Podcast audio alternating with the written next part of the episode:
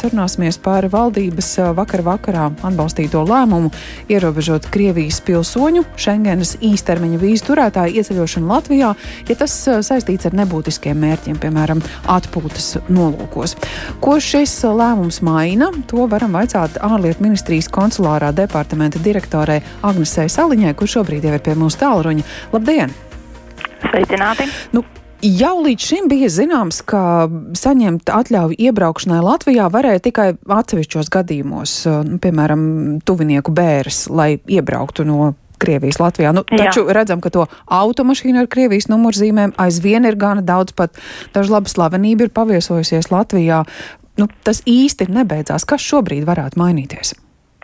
Nu jā, tieši tā, tamdēļ arī šis valdības lēmums tika uh, pieņemts tā iemesla dēļ, kad uh, ņemot vērā to, ka uh, Eiropas dalībvalstu vidū pastāv dažāda praksa vīzu izsniegšanas jomā, tādēļ tika pieņemts lēmums uh, ierobežot uh, Krievijas pilsoņu ieceļošanu. Tas nozīmē to, ka faktiski uh, pēc 19. Mm, septembra, kad šis lēmums stāsies, uh, ši, tiks uzsākt šī lēmuma piemērošana, uh, Krievijā vairs nevarēs ieceļot, piemēram, lai atpūstos ar kādas citas Schengens dalībvalsts izsniegtu vīzu. Proti, ja Spānija vai Itālija būs izsniegusi Schengens vīzu, Krievijas pilsonis Latvijas robežu nedrīkstēs šķērsot? Nu, ja viņa ieceļošana nebūs saistīta ar tiem mērķiem, kas ir uzskaitīti tātad šī te, šajā te ministru kabinetā rīkojumā. Kā uz robežas to varēs pārbaudīt? Nu, attiecīgi uz robežas jau vienmēr cilvēkam ir jāpaskaidro mm. savus ieceļošanas mērķus, viņam ir jābūt kādu mērķi apliecinošiem dokumentiem, un jebkurā gadījumā Jau šobrīd uz robežas notiek rūpīgas ieceļotāju pārbaudas, un šo te pārbaužu laikā arī tiek konstatēts, kāds ir cilvēku ieceļošanas mērķis.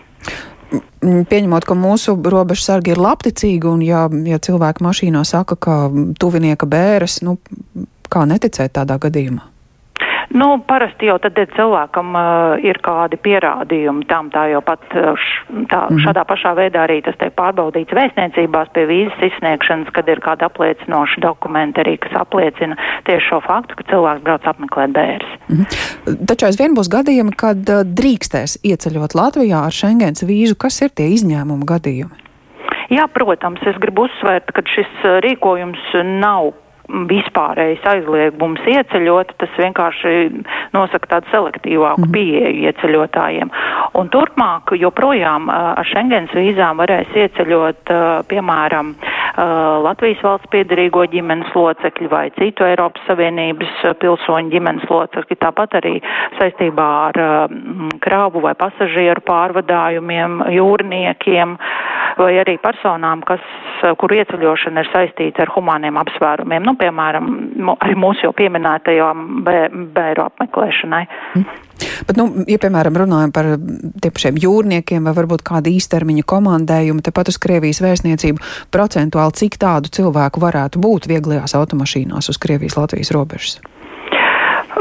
Nu, to šobrīd ir grūti pateikt. Mm. Nu, piemēram, spriežot pēc mūsu vēstniecībā izsniegto vīzu skaita, nu, valsts piedarīgo ģimenes locekļiem kopš kara sākuma līdz augustam mēs bijām izsnieguši no apmēram kādus 300-500 vīzas. Nu, tie ir daži simti. Mm -hmm. Līdz ar to, ne, protams, būs jau arī kādi gadījumi, kur cilvēkiem jau būs derīgas vīzas, bet, nu, protams, ka šis skaits varētu būt būtiski mazāk nekā tas ir šobrīd.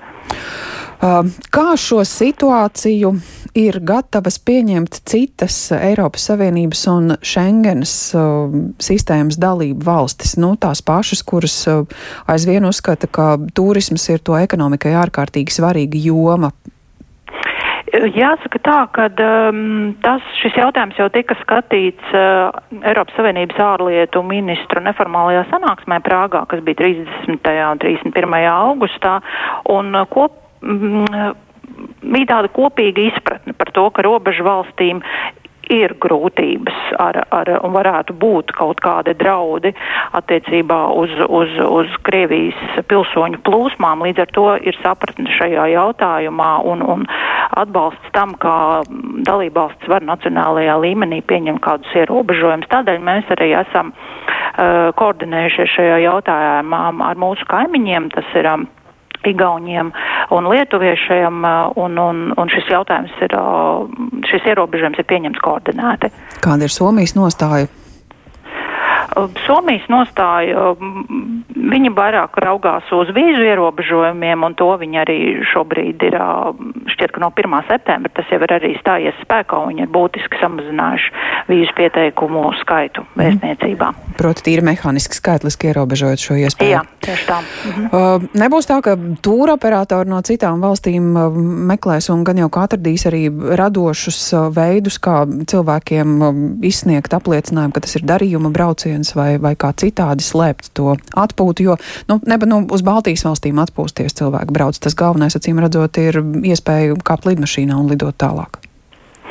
Uh, jā, tas tā varētu būt, bet uh, nu, mēs jau jebkurā gadījumā nevaram izskaust kā lai saka, cilvēki tiešām ir radoši un meklē dažādas veidus, un visticamāk, ka mēs to pilnībā uh, nevarēsim izskaust, bet nu, mūsu mērķis ir vismaz apgrūtināt šo mhm. procesu. Mm. Savukārt, iespēja koordinēt um, šo nostāju ar uh, līdzsabiedrībām, tām pašām, kas uh, operē šeit no Rīgas, tam ir kāda iespēja reģionāli ierobežot uh, biļešu pārdošanu vai, vai jau mājaslapā norādīt informāciju, ka, ja gribat izceļot no Latvijas, no Rīgas lidostas, tad tas varētu būt saistīts ar sarežģījumiem šķērsot robežu.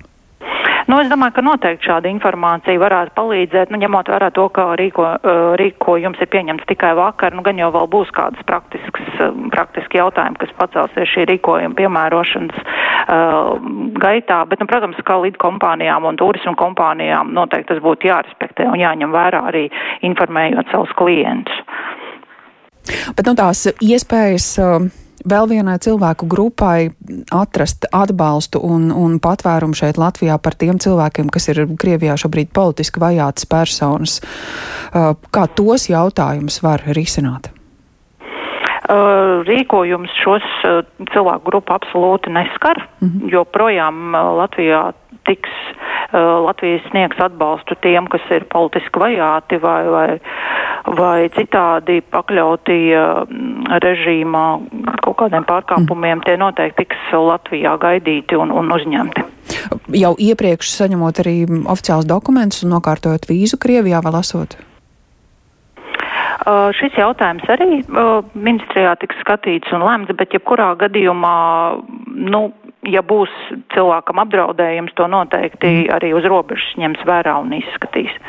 -hmm. Tātad 19. septembris un uz Latvijas-Krievijas robežas jau stingrāki noteikumi Krievijas pilsoņiem ieceļot Schengen zonā. Ja? Jā, tieši tā. Paldies par šo sarunu un situācijas skaidrojumu ārlietu ministrijas konsulārā departamenta direktorei Agnesei Saliņai.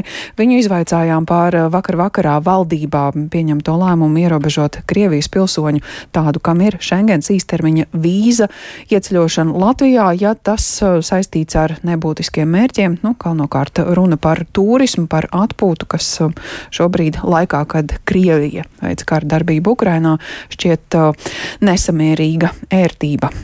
Lūk tā par šo jautājumu šobrīd 15 minūtes pāri četriem un pēcpusdienas programmā arī īsprīdz ziņām.